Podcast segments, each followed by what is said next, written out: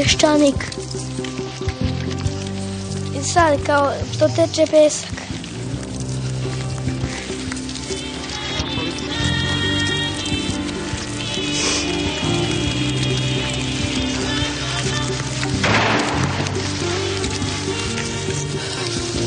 On je čovjek dosadan. On je čovjek dosadan čovjek. On je uvijek bio dosadan.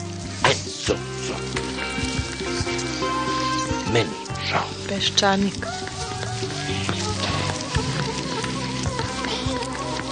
Opšta histerija. Beda, ljudska beda, ne samo ekonomska, nego i neka, ono, intimna, lična. Daj bilo šta. Daj, samo da se ušti nešto. Daj da bude moje. Nama je žao. Peščanik. Nije bilo dovoljno snage da kaže Enzo, meni je žao. Redka je generacija koja je dobila takvu šansu kao ova. To je tragična politička generacija. Ni štetu nisu napravili veliku.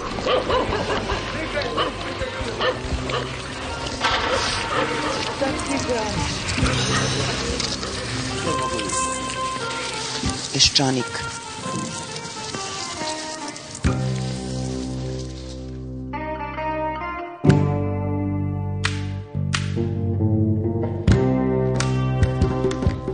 Dobar dan, ovo je još jedan peščanik. Kao i prošlog puta nemam ništa da kažem. Na samom početku više ne znam da li se sve smučilo, sve zajedno ili ne znam da razlikujem bitno od sporednog. Na kraju se sve svodi na Đinjića i na Koštunicu, pa ćemo da nastavimo. Đinjiće su, kao što znate, svi osim Čovića oduvali za Kosovo. A, ne može sada da se priča o konačnom statusu te južne srpske pokrajine, kako to već čudno zvuči, južna srpska pokrajina. Rezolucija 1244 naša Biblija poručuju predstavnici protektorata iz Prištine. Drugi ljubitelj Biblije, Koštunica, je nemo od užasa šta mu Đinđić radi sa zemljom i stalno se pita, do duše preko Maršićanina, za koga u stvari radi taj mali demon. Premijer se naravno ne obazire, tera dalje, on ima svoj tempo, ima svoj put i misli da kogod ne ide za njim jeste ili slabić ili sporać nikako da se doseti da možda pogrešno ide, da možda ide u nepoznatom pravcu i da ga zato sve manje ljudi sledi. Još nekoliko dana državnik, Koštunica Vojslav i dalje je neodlučan, šta sad da radim, gde sada da se denem, da li da kinem, šta će mi reći preci. A, imam za predsednika jednu zgodnu poslovicu, ja se izvinjavam njemu što nije srpska, a ona glasi, ako hoćeš da se udaviš, ne muči se u plitkoj vodi više. A možda u stvari nije reč o pasivnosti i neodlučnosti, nego jednostavno, taj čovjek nema vremena. On ćuti jer u sebi još uvijek broje glasačke listiće i onda kad dođe neko pred kraj preko miliončeta, on zaspi, padne mu glava, pa onda mora sutra sve iz početka. Šalo na stranu, da se nalažemo, taj čovjek će biti predsednik Srbije, makar se i on tome potajno nadao, odnosno on se stvari potajno nada da neće. A sada, stegnite srce, govori vam predsednica Helsiškog odbora Sonja Biserko. Kako je međunarodna zajednica sve intenzivnije zapravo radi na tom rešavanju statusa Kosova, tako Beograd postaje sve nervozniji i pokušava da nametne pitanje i kompenzacije za Kosovo, kao gube Kosovo, pa se uvek poteže Republika Srpska, pa je tako e, premijer Đinđić u e, nemačkim novinama Der Spiegel, tu je bila prvi put pomenuta ta izjava, rekao da će, s obzirom da Albanci stalno insistiraju na nezavisnosti, da će srpska strana tražiti novi Dayton koji će biti zapravo usmeren na menjanje i rekomponovanje Balkana, odnosno menjanje njegovih granica. I to je jedna konstanta, rekla bih, u srpskoj politici, od kada je Milošević došao na vlast i u tom smislu nema diskontinuiteta sa prethodnikom.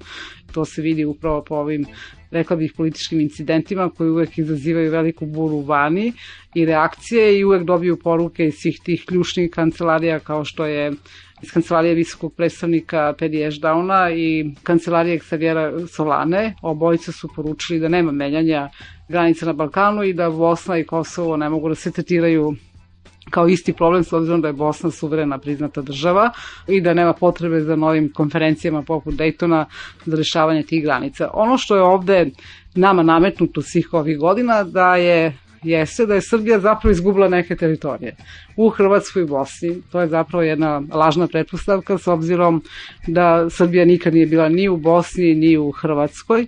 Izgubili su ti neki Srbi koji su tamo živeli, zbog te politike u Beogradu i zapravo e, postoje se pitanje njihovog povratka, jer to je glavno pitanje zapravo da bi se nadoknadilo to što su Srbi izgubili, ne teritorije, nego svoje imanja i svoje kuće.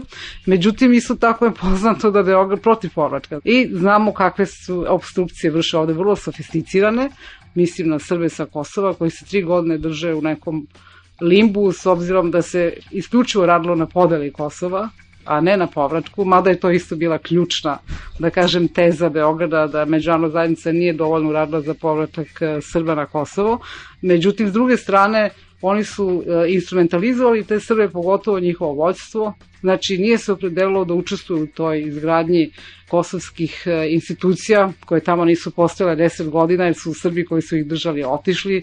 Dole je bio neki totalni vakum i pravni i kakav god hoćete i nije, vrlo, nije lako ni međunarodnoj zajednici ni tom albanskom društvu da kažem da uspostavi barem taj minimalni, da kažem, pravni okvir koji je neophodan za funkcionisanje tog društva i sad Srbi odbijaju da učestvuju u tome. To je, mislim, vrlo loša poruka i za Albance i za Srbe i mislim da Đinđić i svi ovi koji u ovom momentu se izjašnjavaju o tome isto gube korak i gube vreme, jer očigledno da je status Kosova neće biti rešao onako kako Beograd želi, znači podela, jer je neki stav međunarodne zajednice da nema etničkih podela i da Kosovo će biti neki entitet koji, kako rezolucija 1244 kaže, nije deo Srbije, nego je deo te Jugoslavije. Međutim, nestankom Jugoslavije postavlja se pitanje statusa Kosova, uključujući nezavisni status. Međutim, Beograd pogrešno postavlja svoje cilje u ovom momentu, jer naravno u tom takvom, e, rekla bih, prepucavanju maksimalističkim ciljevima, može se desiti da Albanci traže jug Srbije. Šta će onda da rade? Tako da mislim da je to zbilja pucanje u prazno. E, znači, Srbija e, i dalje insistira na etničkom principu i konsolidaciji etničke države, a pritom ima oko 30% nesrpskog stanovništva. I odnosno, oni koji zagovaraju takav koncept uopšte nemaju uvid tu činjenicu i samo antagonizuju i ne na neki način udaljuju te manjine koje su već dovoljno radikalizovane s obzirom na većinski radikalizam i koje zapravo isto tako traže maksimalne zahteve u odnosu na rešavanje njihovog statusa. Na ovom popisu se pokazalo da je povećan broj Roma, da je povećan broj Vlaha i mnogi drugi, to su znači one manjine koje su bile identifikovane sa Jugoslavijom. Znači da Srbija kao država ništa ne nudi kada oni traže svoj identitet na drugoj strani. Čim govorimo o.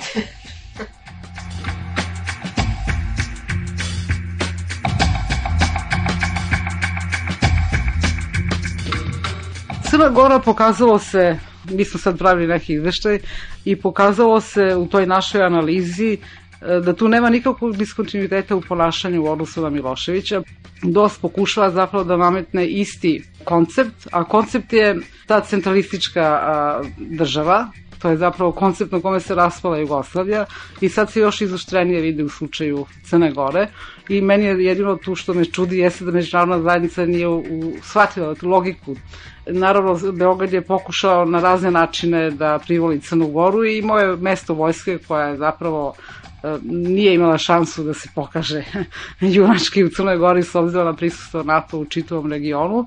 Oni su pokušali to da rade preko crkve, pokušali su preko svoje dijaspore, crnogorske ovde u Beogradu, preko tih raznih udruženja zavičajnih i naravno preko medija E, i jednog dela akademije koji su isto porekli iz Crne Gore, oni su svi radili na negiranju crnogorskog identiteta, njihove državnosti. E, naravno, pretili su čak e, i sa oizacijom Severne Crne Gore.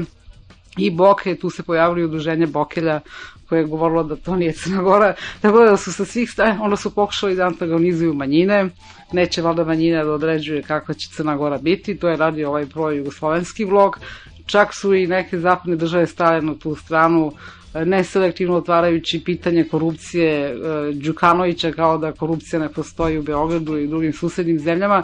Međutim, to je, ja bih rekla, po meni ubrzalo proces e, u Crnoj Gori, što se pokazalo i na posljednjim izborima na kojima je Đukanović dobio dovoljno veliku većinu da može da sastavi vladu i da formuliše taj stav dalje. Ja mislim da je to gubljenje vremena, s obzirom da je prošla godina bila pre svega u fokusu je bila upravo ta povelja, a ne tranzicija u ovim zemljama. Mislim da su one obe izgubljene kao tranzicijone godine i za Srbiju i za, eventualno, verovatno i za Crnu Goru. I veoma je važno da sama Srbija sebe definiše u okviru svojih granica i nekako se okrene svojim problemima koji su ne mali, taj poraz i ti ratovi koji nemaju nikakvo utemeljenje ni moralno ni političko, rekla bih da suđenje Miloševiću pokazalo tu ogromnu nespremnost da se prihvati činjenica da se u Hagu sad rekonstruiše i hronološki ono što se dešavalo i kontekstualno i da su svi ti svedoci sada u slučaju hrvatske optužnice, pre svega srpski svedoci, koji sada svedoče o tom planu, o toj strategiji. Međutim, ono, refleksija ovde u zemlji je vrlo problematična. Uglavnom se bildovalo neko osjećanje da Milošević pobeđuje, imao se učisak, sticao se učisak da je to neki TV duel, da je on mnogo bolji sagovornik, I to zapravo pokazuje koliko je duboka frustracija i konfuzija ovog društva i da a, nema tog jasnog odnosa prema onome što se desilo i što se dešava. E, mislim da je veoma važno konceptovati taj novi radikalizam koji se pojavljuje na sceni kroz razne forme od a, tih raznih, a, rekla bih, marginalnih grupa koji imaju ogromnu medijsku promociju, oživljavanju i promovisanju srpske desnice od pre drugog svetskog rata, kao što su Ljotić, Nedić, Velibirović, e, Justin Popović. Mislim da ne bi bilo ništa neobično, to u svakom društvu postoji takva desnica. Ono što je ovde problematično jeste što oni postaju mainstream, zapravo misioci koji se promovišu čak i na fakultetima, kroz televiziju, pogotovo Studio B, u nekim emisijama i što oni postaju glavno štivo.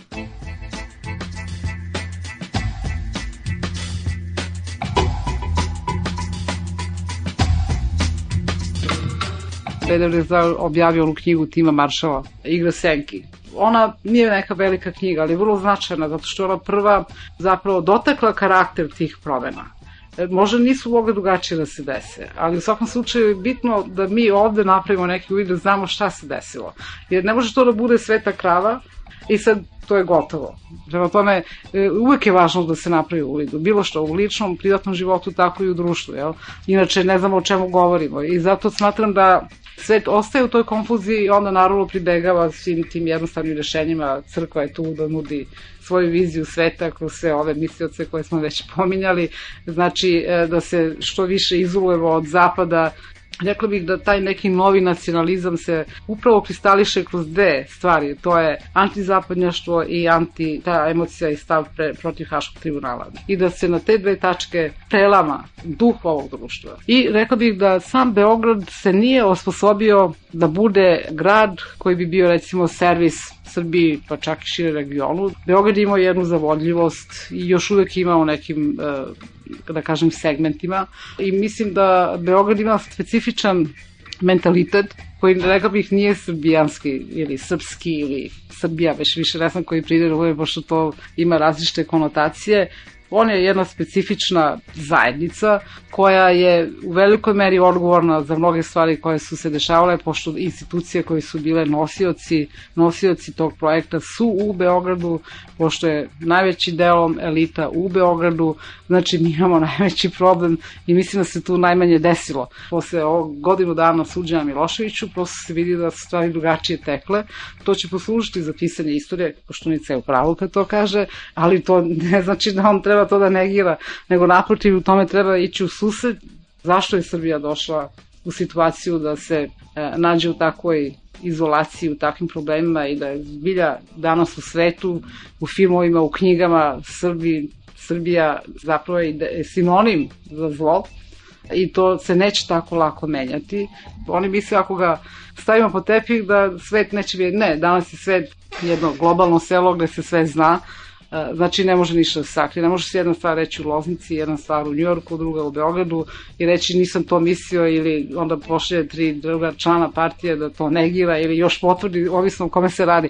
Znači, istina je tu, to ne može više da se negira. Vidim da ste izdvojili ovaj naslov Dobrica Ćosić pozvan da svedoči u Zašto? Pa zato što Dobrica Ćosić je figura koja ima dominantnu ulogu u ovom društvu već čitavih pola veka. I to i na političkom planu i na kulturnom planu.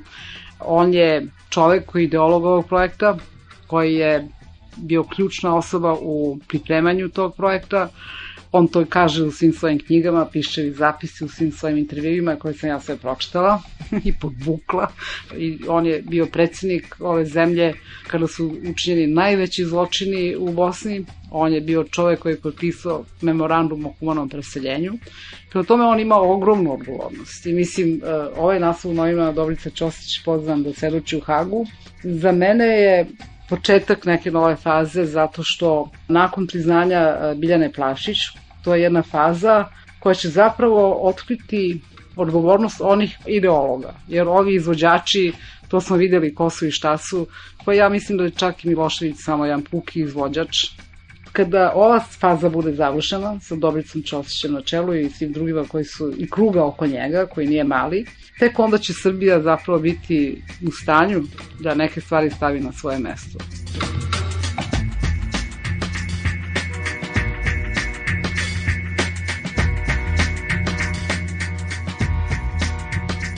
Ja nekako nemam, nemam mržnju prema svemu tome, možda i zato što sam od početka razumela taj proces, sticam okolnosti, jer sam radila u Ministarstvu jednostavne poslove u grupi za analizu, što sam od rane mladosti i od, rekla bih od detinstva živjela tamo jamo i bila nekako predstavnik Jugoslavije uvek. Ja sam se osjećala uvek kao Jugoslovenka, volala sam tu zemlju i nekako i dan danas osjećam to kao svoj prostor.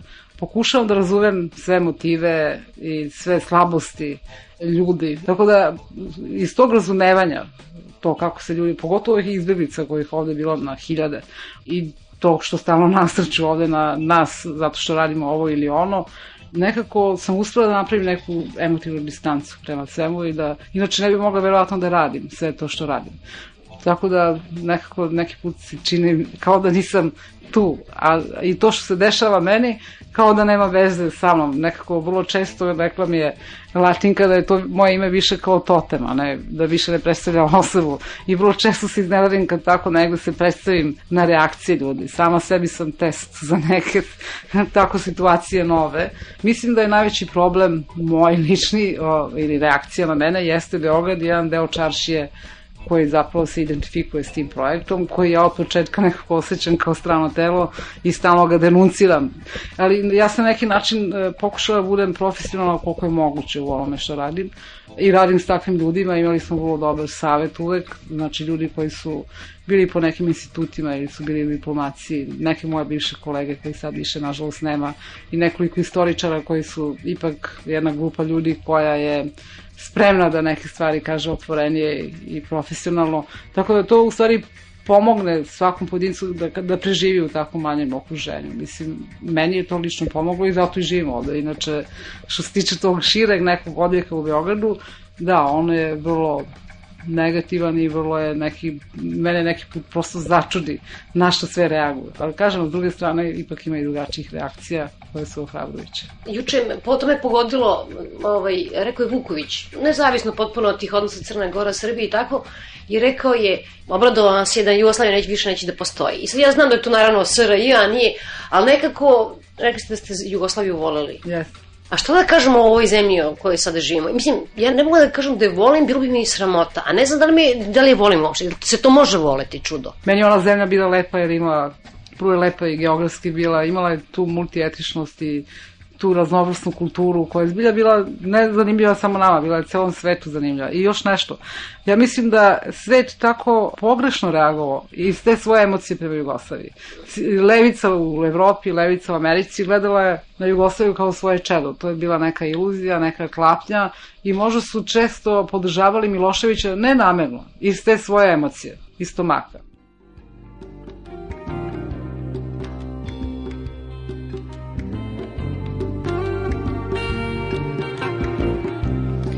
Bila je ovo Sonja Biserko, predsjednica Helsinškog odbora, žena koja je toliko omražena u srpskom narodu da me ne bi čudilo da se u narodnoj radonosti prave budu lutke sa njenim likom, znate, one lutkice što ih onda posle bodu iglama.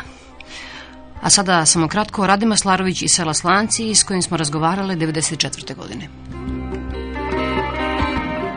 Ja bih volio kad bi sve to srpsko bilo. Kao po, što je podušana i ovaj, uvati i Aziju dole. Uvati. Ali ne može to tako. A ja bih voleo, ali to ne može, to je, to je glupo, glupo zamišljeno. Znam da su nam stonirali ovaj, u drugim svetskim ratu, znam da je sve to bilo, ali znam da i mi nismo bili cveće. I da smo i mi puno koje što radi. I znam da to ne treba. Kako se sad sastaju i pričaju i malo se ne ljubu? Što to nisu ranije bili? I da se, da se sastavu pa da kažu, ej, stani bre da naroda ne gine. Daj da se sporazumemo. Nego narod izginuo, oni sad stvaru mir. Sad može, jel? Ali i, i ljadama milionski narod izginu. Ko za to da odgovara? Ko za to da odgovara? Pa ko je kriv za to? I sam ja kriva za to? Sve bi nije, nije ja na sud, bre. Na međunarodni sud. U Kagu tamo. Odgovaru, bre.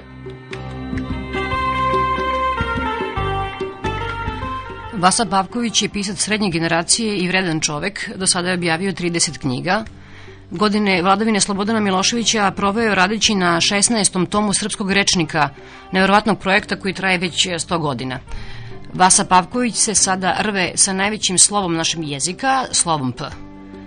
Vrlo strpljiv kao leksikograf, vrlo nestrpljiv kao građanin, gospodin Vasa Pavković. To je pozicija pisca. Pozicija pisca, a za njega je uvek pogled na ljudski život tragičan. Zato što čini mi se da pisac ako ozbiljno sagledava svet, on može samo da bude pesimista.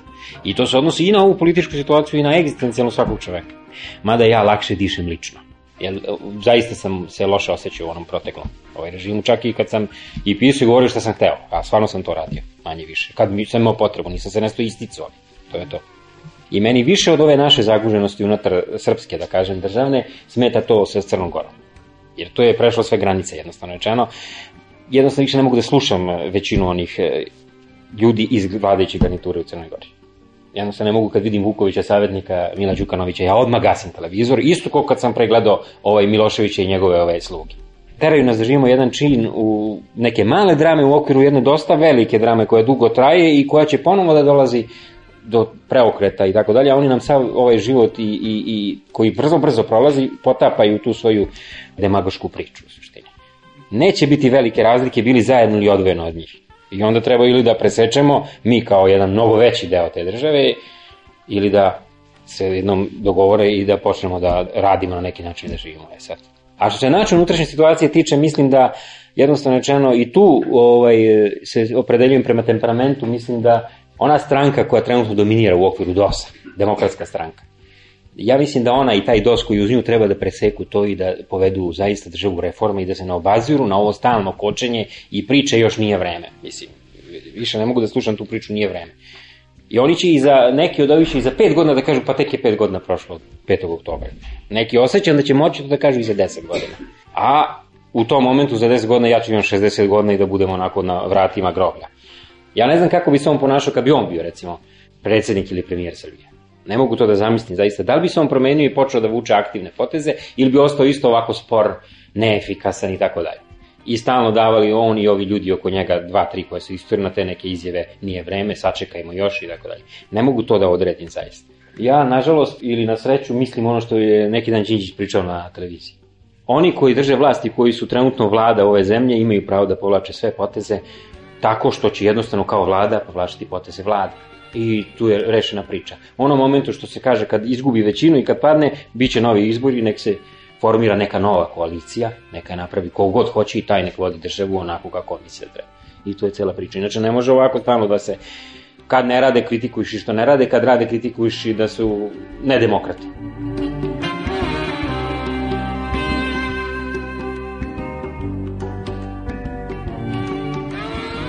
To sam ja još naučio od Karla Marksa da se svest ljudska ovaj, menja, što sam u gimnaziji to učio i u teroru, nas je naš profesor, pokoj mu duši, da to učimo na pamet, govorio u okviri da u Marksovu misao, da se svest ljudi najteže menja. I mi tu ne možemo da očekujemo ne znam šta preko noći. Neko će uvek da veruje u neke ideje koje su duboko retrogradne i bit će puno takvih ljudi. Biće puno takvih ljudi, sa više ili manje prava.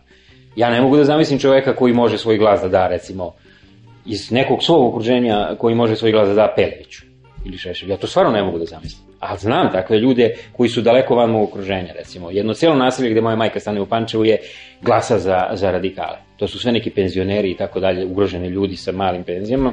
Ja znam da oni to rade. Ali, kažem, iz tog svog okruženja ne vidim čoveka koji razmišlja i koji može posle toliko poraza te politike ponovo da to glasa.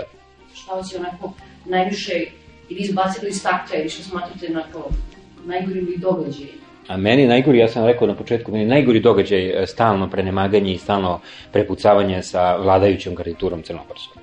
I to zaista je poprimilo tako neukusne više ovaj okvire da je to jednostavno rečeno odvratno. Odvratno je više videti Mila Đukanovića koji ti objašnjava neke stvari koje su notorne stvari ili one njegove savetnike ili nekog od onih ljudi i pomisliti da iza njega stoji recimo biračko telo koje je mnogo manje od biračkog tela neke beogradske opštine. I sad taj isti čovjek koji ima toliko biračko telo u ovakvoj državi koja mu se ne sviđa, on određuje kako ta zemlja treba da postupa i kako 7 miliona stanovnika treba da živi. Taj koji ima iza sebe biračko telo manje od jedne beogradske opštine. I stalno ta pad situacija, to me najviše nervira. I mislim da je tu, i tu je vlada ovaj, srpska e, pogrešila, baš ova koji vodi Đinđić, ona je to trebala ranije da se seče. Zašto se ne bi referendum raspisao u Srbiji, pa da vidimo ko je za, ko nije. I gotovo. Mislim da su toliko iziritirali javnost ovi, ovi crnogorski rukovodeći političari, ja to tako vidim, da bi sad većina bili i protiv toga da budemo sa tom zemljom, a iako na sve istorijske veze s njom povezuju, iako smo mi faktički isti narod. Ma šta Jevren Brković priču tamo stojeći ispred neke zgrade, mi smo isti narod. O bilo kakvoj državnosti ili šta. Isti taj je dolazio od pre 15 godina i molio ovde da mu se objavi pesnička knjiga. U tom gradu u kom sad pljuje i u kom priča ovako i onako isti taj u Bigzu objavio knjigu, ja sam bio protiv toga i teo sam da pišem negativnu kritiku protiv te odvratne knjige, a rekli su mi nemoj, ima porodične probleme, treba da dobije pare honorara da ide na lečenje. Onda mu je Beograd bio dobro. Moram to da kažem, ali to je tako. I isti njegov sin je objavio knjigu u Beogradu. Prvu svoju knjigu u Pegazu, u knjižnoj omladini Srbije. Tamo to nije smetalo. Kako sada odjednom mu smeta posle 10 godina?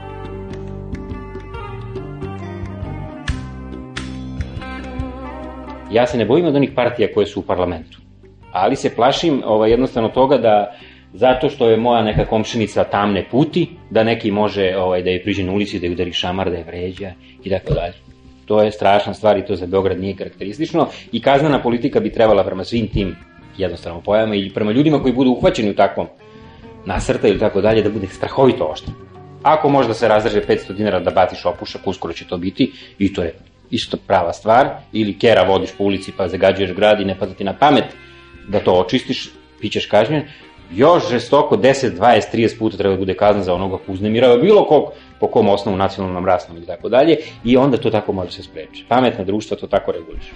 Tu mnogo upozorenja preko televizije i tako dalje ne pomažu. Pio sam i kao i vi video na televiziji ljude koji daju krajnje rasističke izjave i ni draka mu ne fali iz glave. Postoji jedna ma, mali krug intelektualaca koji ili veruju to, ne znam to, ili paradiraju sa takvim nekim da kažem, ideologijama i onda vam se desi da u Smederevu hoće, ne znam, Ljotićevu ulicu da uspostavi i tako dalje, ili da veličaju Nikolaja Velimirovića. Ja sam nedavno čitao, recimo, kritiku jednog levičarskog kritičara, kao što je Milan Bogdanović, Velimirovićevog stila i načina pisanja, i čitao sam jednog desničarskog, kao što je Branko Lazarević. Oba su pisala svoje kritike pre drugog svetskog rata, oba su bili nezavisni intelektualci u tom momentu, ovaj levi, ovaj desni, Oba se izmevaju iz stila Nikolaja Velimirovića, smatraju ga duboko nepismenim čovekom koji škodi srpskom stilu i ovaj srpskom pismu u pogledu književnosti. Znači, jedan desničar krajnji jedan krajnji levičar. O njemu govore pogrdno kao kritičari, kao jednom nepismenom čoveku i poluintelektualcu. Međutim, to niko nije ni čito, kupuju te knjige, ja vidim, kupuju i po knjižarama, one su dosta, ali garantovno se čitaju koliko se čita i Paolo Coelho, to ne čita se uopšte, to je nemoguće čitati to može samo da čita onaj ko zaista nema nikakvog ovaj, znanja o književnosti, nikakvog ukusa i ništa drugo. Ne poredim to ideološki Koelja i ovo, nego samo jednostavno to je bezvredna literatura. Ja ne znam sad da li se na njega odnosi anegdota nedavno kada je bio predložen za beatifikaciju, da je Patriarh Pavle to do daljega uslovno rečeno on je mogućio tako što je rekao da je mnogo pušio cigare. I kad smo kod cigara, recimo, najveći pušač kod nas u lingvistici je bio Đura Daničić Kaže da je on, ovaj, kada je radio prvu svetsku akademijenog rečnika u srpskog hr- ili hrvatskog jezika, mogo je, kaže, da se, od Dima se nije vidio u sobi u kojoj je radio taj prvi tom, sam je ceo tom uradio, što je jedno bez presedana da neko uradi jedan tom ogromnog rečnika i to teškog istorijskog sam. To je Đure Dabić uradio.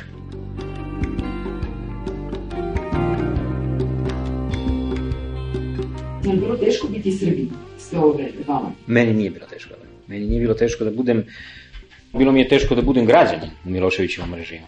To mi je bilo jako teško i izađem odavde s posla i ne idem kući zato što oni pregrade sa kordonom ovde. Jednog onoga januara, februara su pregrađivali svaki dan ulicu na 3-4 mesta Knez Mihajlo, ne mogu da prođem. Moram da se spuštam skroz do Dorčela da bi mogao da idem na autobus. Mislim, katastrofa. Država gora nego pere. To je bilo teško, to je bilo teško. Ovako Srbiji nije teško. Jer ja, mnogo su veći srpski pisci, po mom mišljenju, oni koji su avangardni pisci, nego tradicionalisti.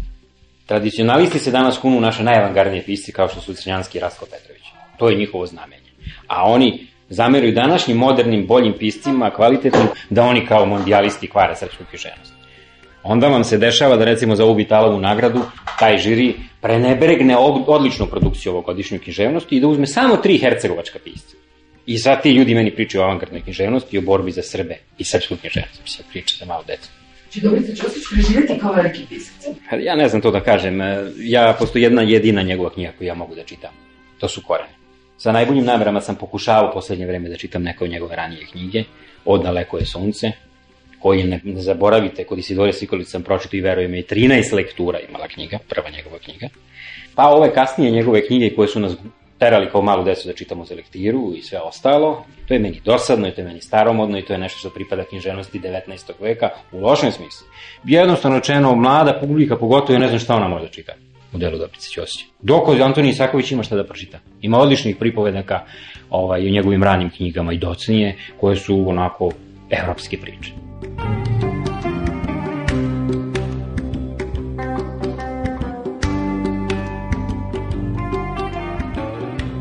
Možda sam ja lud i optimista u ovom pogledu, ali mi smo prošli najgore. Mi smo preživjeli Miloševića i ja sam tih 10 godina stalno pričao kao što je došao iznenada na vlast i sve to tako osvojio. I samo tako može da padne. I tako se desilo. I mi smo prošli, po mom mišljenju, taj najgoru, najgoru fazu. Ja mislim da ćemo mi ovako traljavo, mučeći se, zezajući se, e, šlajfujući i tako dalje, da ćemo ići napred polako.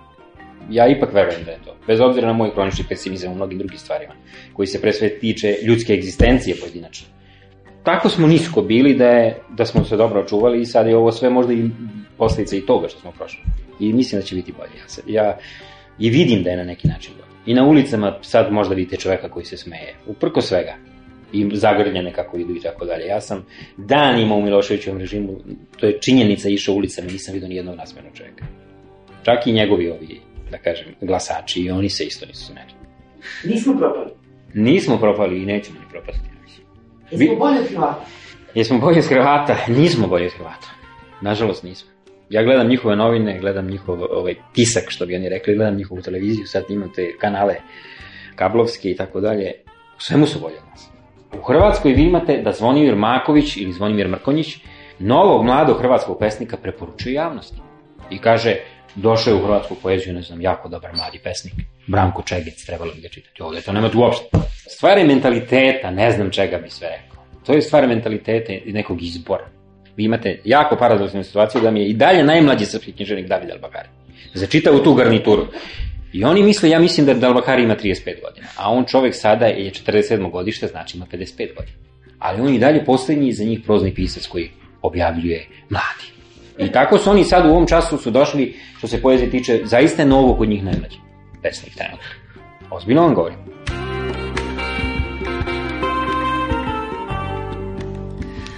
Vasa Papković kaže da mi imamo mnogo bolje pise od Hrvata, ali da su oni kao i obično bolje organizovani i u stvari njihova cela kultura je bolje organizovana i solidarnija.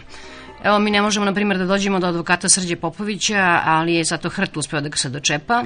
Dakle, advokat Srđe Popović, drugi najomrženiji lik u Srbiji, ako ne računam Natašu Kandić, on bi mogao da bude treći. Uh, on je dakle gostov na Hrtu, možda niste uspeli da vidite uh, tu emisiju, za one koji nisu, znači jedna kratka verzija Srđe Popović među Hrvatima. Je li u Srbiji došlo do kakve katarze? Ne. Nije li Katarza recimo trebala biti odlazak Miloševića u Hag? Pa znate šta, ja gledam na taj takozvani 5. oktober malo drugačije nego većina u Srbiji. Ja ne smatram da je ulica skinula Miloševića, ja smatram da je Miloševića skinula međunarodna zajednica uz pomoć određenih krugova u zemlji. Mislim da je tu napravljen dil, mislim da su tu mnogi zločini oprošteni. Tako da nije moglo doći do katarze jer u stvari je napravljen jedan sporazum da se žrtvuje jedan čovjek koji je postao nemoguć, a da se od projekta ne odustane. Vidim da je Đinđić nedavno govorio opet o pretenzijama na istočnu Bosnu. Da, o reviziji Daytona. O reviziji Daytona. Jel? Vi vidite dakle da još uvijek nije sazrela svest da je ceo taj projekt poražen. Sve se svodi na kraju na Hag. Ovdje su se takvi užasi dogodili svima da je još uvijek ljudima jako teško da objektivno iz neke distance ocene šta je bila njihova uloga, šta je bila uloga drugih. U stvari, ja često kažem da ja mislim da je Milošević u izvesnom smislu pobedio. Ono seme mržnje koje on posadio, ono je živo i zdravo. Jedno potpitanje, vi ste na području bivše Jugoslavije ovaj, bili odvjetnik, a je, jeste li primjećivali recimo da je taj nacionalizam izraženiji u Srbiji nego u Hrvatskoj ili obratno? Ja mislim da je u Hrvatskoj bio izraženiji. Dobro. I nije mi to čudno, zato što mi nismo imali 71. godinu kada je počela vrlo snažna represija u Hrvatskoj kakva u Srbiji nije postojala. Ja kad sam dolazio osjećao sam Hrvatsku u mnogo većoj meri kao jednu policijsku državu nego Srbiju. Mnogi će danas reći da je to iz razloga što je u tom policijskom i vojnom aparatu bio veliki broj Srba u Hrvatskoj. Mislite li vi da je to ja razlog mislim, ja mislim da to nije značajno. Ja sam smatrao da je ta represivna politika bila diktirana od Tita, ona je bila usmjerena na to da se brani legitimitet SKU i njegov lični. Možete kratko samo... Budućnost vas je demantirala, gospodine Popoviću. JNA se je pažljivo, pomno i dugo pripremala i pripremila za rat koji je uslijedio. Tačno, upravo ste. I pretvorila se u srpsku vojsku. Pogledajmo prilog Nataše Ban Leskovar koji je snimila u Beogradu o tome kako neki Srbi naravno doživljavaju Hrvatsku i te hrvatsko-srpske odnose.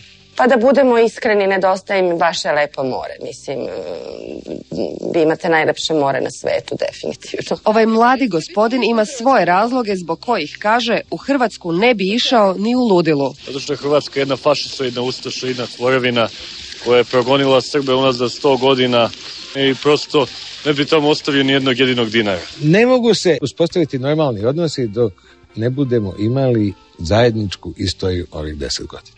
Vi, na primjer, znate da Srbi u Hrvatskoj ne uče povijest domovinskog rata u svojim školama za manjine, što ja mislim da nije dobro. Nikakvog približavanja neće moći da bude dok se bar u onim najkrupnim cetama ne možemo sporazumeti oko toga šta je bilo ovih deset godina, šta se dogodilo ovih deset godina.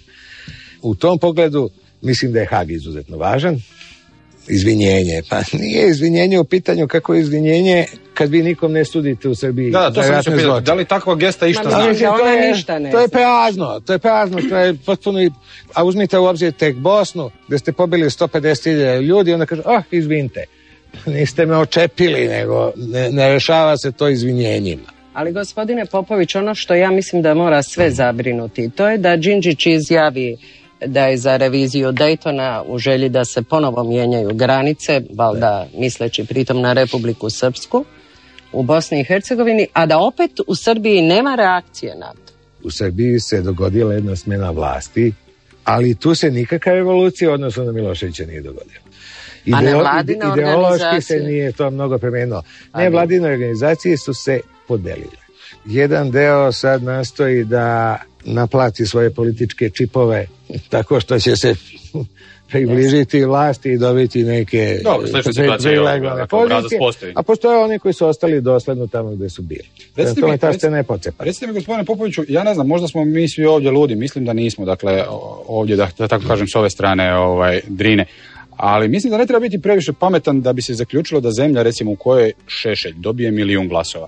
S tom zemljom nešto nije u redu. Mislim, e, e, i nakon Ja sam završetka rata... sklonija tezi gospodina Popovića da je koštunica opasnija od Šešelja. Da, on je naravno opasniji, zato što je e, teže prepoznatljiv. Da. On je, on je teže prepoznatljiv. Ali kazat ću vam nešto u vezi sa tim podrškama. A možete mi, vi ste, vi ste bili, branili ste Šešelja, možete li recimo se tu osvrnuti na, na njega? Mislim, nije li on čisti nacional socijalist? Ono, ovaj, pod pojmom, dakle, onom čvrsta ruka, ograničenje prava, ljudskih prava svim manjinama. On je pragmatičan. On smatra da postoji jedan deo populacije kome se taj stav dopada. Da li on to stvarno misli, koliko on to stvarno misli, koliko bi on A bio... ga znate iz vremena kada koliko nije on imao priliku tako eksplicitno Koliko izražavati bi on bio u stanju i da se menja kad bi došao na vlast, to je veliko pitanje. To s njim ne znate. Ali kad govorite o tim podrškama, te podrške ne vrede ni pišljiva boba. I zato sam pominjao ono, Tito je bio legitiman, Milošić bio legitiman, Koštunica je legitiman. Za pet minuta može da izgubi tu podršku, jer ta podrška je plitka, ne zasniva se ni na čemu, sem na tome da je on trenutno na vlasti. Ne vjerujete u skoro vrijeme da bi barem u ovom procesnom smislu, dakle, traženja Haškog suda što se tiče Srbije bila zadovoljena, pa a, bi trebao biti izručen Radić koji je navodno na, Bože Radić, a, dobro. Mladić koji je na Da, području da. Srbije, a, Šljivančanin. A, Ne, ne, oni će se, vlast će se opjerati jer u tome ima podršku najširih slojeva. Zašto? Najširih Jesu ti slojeva. ljudi nacionalni heroji u Srbiji? U čemu je problem? Ne, već je problem u tome što ljudi shvataju da onoga trenutka kad se utvrde sve te krivične odgovornosti, biti. da su i oni odgovorni i oni u tom smislu tu svoju odgovornost žele da odbace, a to se najbolje radi tako što ćete sve poricati. Kako ste se osjećali za vrijeme NATO intervencija kada je između ostalog bombardiran i Beograd, dakle grad gdje je i vaša rodbina i Da. gdje, gdje su vaši prijatelji? Da kažem ću vam, ova intervencija koja je došla 99. godine je došla prekasno. Kada mislite da je trebala biti? Ja, ja o intervenciji sam pričao od 91. Ja sam posljednji put vidio Budu Lončara u Njujorku 90. godine i kazao sam mu tražite plave šlemove, ovoga niko neće zaustaviti. Njega samo neko s polja može zaustaviti. Međutim, Milošević kad je odlazio s vlasti, on je kazao jednu stvar u kojoj se ja potpuno slažem s njim. On kaže, mene su srušili NATO plaćenici i Jugoslavija će dospeti u polukolonijalni položaj. Tačno. Jedno i drugo je tačno. Kako vi ocjenjujete utjecaj međunarodnih organizacija u Srbiji? Je li on prevelik, premalen? On je veliki, ja lično, to dobro, ja lično mislim da bi trebao bude još veći, jer to je najpozitivnija politička snaga u Srbiji. To je međunarodna zajednica. U Srbiji su uvek postale samo dve političke stranke. Samo dve. Jedna je bila proevropska, ta je dobijala batine uvek, i druga je bila ova pravoslavna, baš je lepo naše balkansko blato, vezujemo se za Rusiju, niko nam ne treba, mi smo neko čudo, mi smo sami sebi dovoljni. I bez obzira kako se formirala politička scena, to su bile jedine dve partije. Čak i komunisti kad su imali monopol, oni su se delili po tim linijama. Ali nije li to patologija željeti biti u blatu? Mislim, ovaj, To je strah, nije to patologija. To je jedan strah od modernizma koji je poznat u istoriji. Vi se smatrate i što vreme više prolazi, vi se sve manje smatrate sposobni da u toj konkurenciji uopšte učestvujete. mislite da je on trenutno dominantan u Srbiji? Da. Nije li međunarodna zajednica zapravo sve ove države koje su nastale na tlu bivše Jugoslavije manje više zadnjih godina lišila većeg dijela suverenosti? I Kako neće da li ta nije? modernizacija zapravo biti nametnuta na silu način na koji je u Njemačkoj okupacijom nametnuta denacifikacija? naravno da će biti. I tu nema povratka nazad. Nema povratka nazad i ja mogu da vam kažem da po mome mišljenju ni, ni Hrvatska, ni, ni, ni Srbija, ni Slovenija nisu suverene u onoj meri u kojoj su bile u Jugoslaviji. Što je dobro, ja ne vidim u suverenosti neku veliku sreću. Ja sam, e, da li sam verovo ili priželjkivo, svejedno je demokratsku Jugoslaviju, to je tačno. A mnogi su je priželjkivali. A, to je- to je- to je tačno. Možemo li vam staviti jednu drugu plemenitu ideju Kažete. na dušu? Kažete. Hrvatska još uvijek traži 1300 nestalih zatočenih i polako se pronalaze posmrtni ostaci. Koliko može ova demokratska Srbija, nevladine organizacije pomoći da se to najbolnije od svih bolnih pitanja riješi što je više moguće? Ne Ne, ne, ne mislim Ne, ne ovaj, znam. samo vam stavljamo to Da, na dušu da. radite na tome koliko možete. Koliko ja... A, evo imamo pet minuta do kraja emisije, ja bih jedno, dva, tri blic pitanja. A, je li Kosovo izgubljeno za Srbiju? Ja sam to smatrao 90. godine. Jel će to biti trajna frustracija za Srbiju i Srbe? Ona ima jednu simboličku vrednost. Ja više nisam siguran... Može li biti izvor opet budućih nekih sukoba? Ne ve. Ja mislim da je Srbija tako iscrpena ovim ratovima i svem što je pratilo te ratove, da i dugo vremena neće padati na pamet rat. Možete li nešto lijepo reći o svome narodu? Pa znate šta, ja sebe uopšte ne smatram predstavnikom svoga naroda. Me ni, niko ni, ni birao za nekog predstavnika. Ni, ja mogu da vam kažem šta je meni tamo blisko. Mhm. To je na prvom mestu jezik, što nije malo. E, ja volim Beograd, to je moj rodni grad. Ja osjećam da je to jedan narod koji imao nesrećnu istoriju, često svojom zaslugom. E, imam saosećanje za to, to su ljudi koji se kreću oko mene, s kojima ja živim. To je jedno. Drugo, ja sam vam tu slab sagovornik, meni to ljudi ne veruju, ja se stvarno ne bavim politikom, ne bavim se politikom. Ja svoje uverenja hoću da izrazim, ne zato što mislim da ona mogu pobediti ili što se ja s nekim takmičim u tome, nego zato što su to moje uverenja. I moja motivacija da se bavim svim čime sam se bavio je bila uvek lična. Želim tako da živim. Pa kako bude.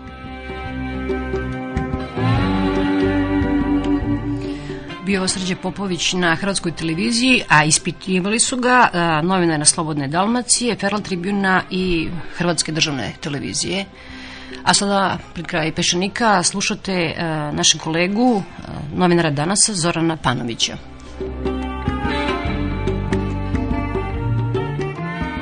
Ja često kažem da smo mi ustavo, državo, voljni narodi, ali ne državotvorni. Mi ne možemo napravimo državu. To se pokazalo jednostavno ovaj narod. Pitanje je koliko je uopšte sposoban napraviti državu. Mislim, od tolike priče o državi vi nemate elementarnu državu. Ono je malo glupo otići negde da vas neko pita kako vam se zove država, koja je grb, zastava, gde su vam granice. Kad kažem granice, ne mislim granice u smislu sad nekih mistifikacija granice, ali jednostavno gde, gde, gde se ulazi, izlazi, gde, za koga navijate, koja zastava se diže, koja se himna svira, mislim, šta stavite na ispod kafe kad stavite ovaj podmetač da imate neki simbol nečega, da prepoznajete mi nemamo tu neku našu malu Eiffelovu kulu ili nešto, nemamo nijedan neki simbol koji je u tom smislu prepoznatljiv. A da opet ne iritira nekoga u toj zemlji, da opet nije Znači da ima, nemamo taj konsenzus oko najglupljih stvari, mislim, da kažem tako, bukvalno najglupljih stvari. Jel, vi mislite da, da ne može se voditi borba protiv kriminala i bez novog ustava? Šta će taj novi ustav rešiti? Koliko je puta ispljivan taj ustav iz 74. A taj ustav sve pokazuje da u stvari on nije bio toliko loš, tako? Ajde sada pitajte bilo koga, da kažemo, i nacionalistu tvrdokornog, da mu sad neko ponudi da Kosovo ima status iz tog ustava u ovoj zemlji. To je bio triumf naše politike, to je bila monolitna federacija, bukvalno odnosno na ovo.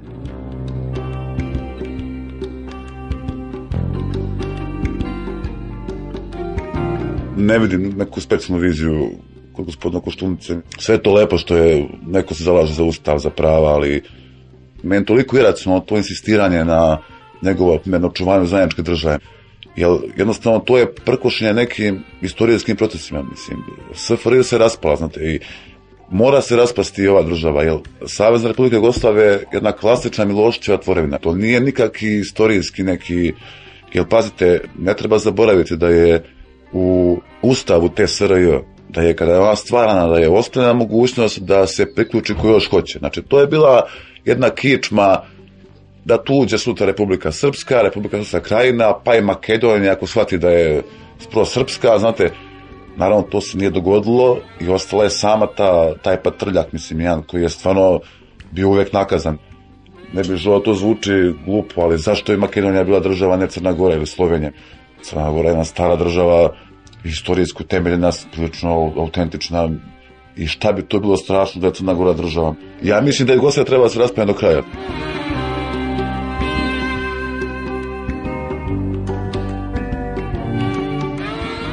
Mi sada imamo na vlasti demokratsku stranku, ali onu staru demokratsku stranku. Svi su tu, znate.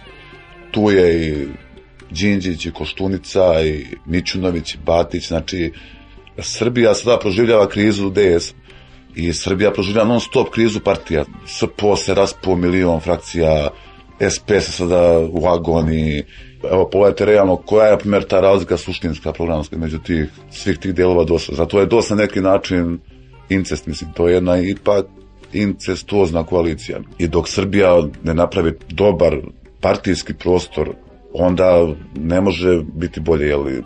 vi imate sada neku sferu, imate s jedne strane kao partije, s druge strane imate te opet neke otuđene centre moći, kuluarsku politiku i s druge strane imate jedan totalno fluidno polje što javnog mnjenja, što nevladnih organizacija, civilnog sektora, ali to je suviše velika konfuzija, znači mora se znati ipak ko je dobio izbore, ko je vlada, ko podnosi odgovornost i do tog ukrupnjavanja će proći još vremena, ja mislim. G17 pomaže ili odmaže time što se pretvara u političku partiju? Ja mislim da ni pomaže, ali to je ipak relativno nova politička struktura ovde, jedna prilično svežija grupa koju imate priličnu stepen prepoznavanja što za druge partije teško možete da kažete i nažalost ta će partija biti direktna konkurencija u jednom biračkom telu demokratskom koje baš i nije toliko u Srbiji mnogo veliko. Znači opet će doći od cepanja možda tih 200.000 ljudi koji su stalno šetali 96, 97, znate, to je disciplino telo, znate, koji su uvek na ulici, koji su uvek na nešto pojave se ljudi, ali njih, nema ih mnogo, nije to baš nešto toliko veliko.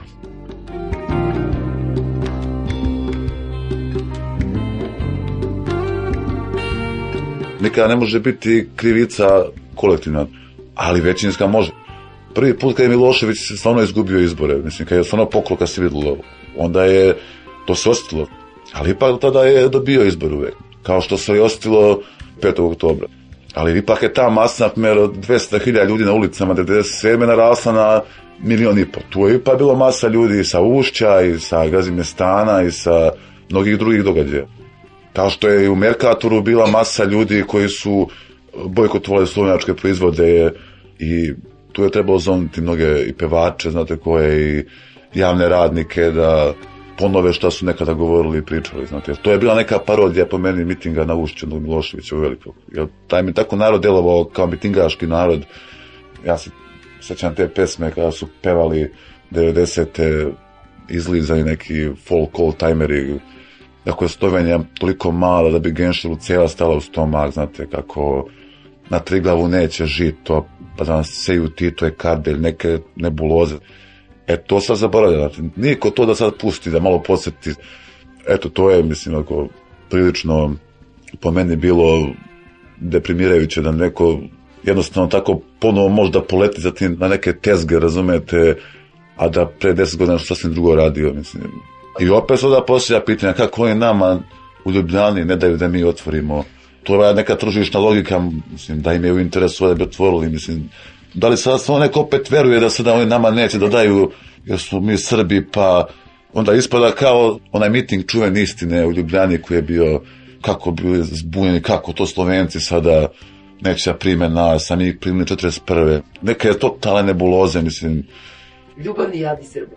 Da, da li, da li je sada Rupel nije kuća, možda je Rupel bio izbeglica 41. pa on se znači seća sada kako smo mi njega pazili kad je bio mali, pa je sad otvorio Merkato da, da nam vrati zahvalnost. Mislim, totalno neke šizoidne, mislim, paralele. Ja to je ona priča stara, znate, kada je počelo sve ova, ovaj cirkus, sve se u politici su bili feljtoni u, u režimskoj štampi, pored te čuvene rubrike među nama bilo i onih rubrika feljtoni, kako su nama uzeli našu industriju 45. i preselili u Sloveniju i Hrvatsku. Zamislite da, da je Krško opet napravljeno u Leskovcu. Onda bi rekao, evo, Tito i Karadžić su stavili Krško da nas ozrače, da nas a da su oni dobili zastavu automobila, onda bi rekli, njima su dali znači automobile, a nama su dali radioaktivni otpad.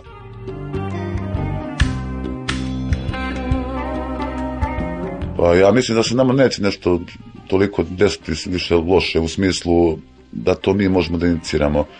Ja mislim da je ovaj ipak region sad pod jednom priličnom kontrolom. Samo se plašim da neki međunarodni se događaju ne preliju ovde na, na nas. Inače, mislim da je polako ulazimo jednu zavetrinu koja neće se nešto dramatično odraziti ovde. Ko bara neka koja se zustaje.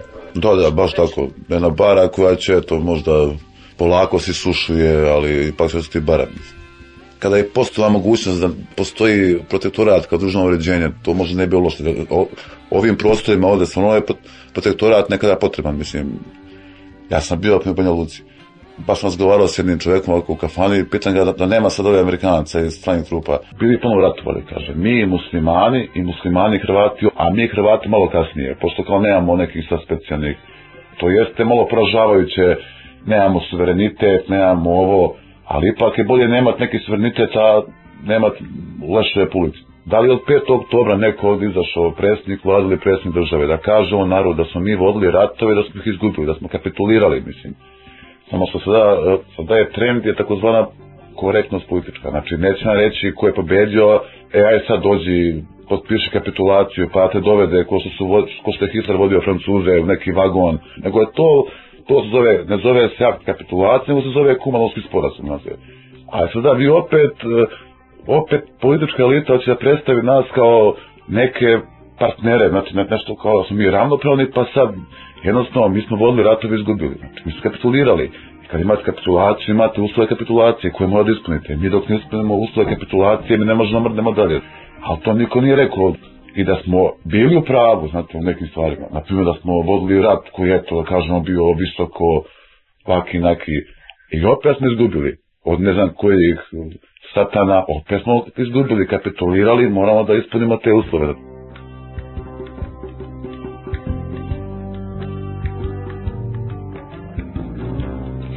Bio je ovo Zoran Panović, Pešanik je završen, zahvaljujem se na realizaciji Marku Perunoviću, na montaži Ratko Ristiću, Svetlani Vuković na svemu, vama na strpljenju što ste podnosili, ako ste uopšte podneli moje mrmljanje i muljanje na početku ove emisije.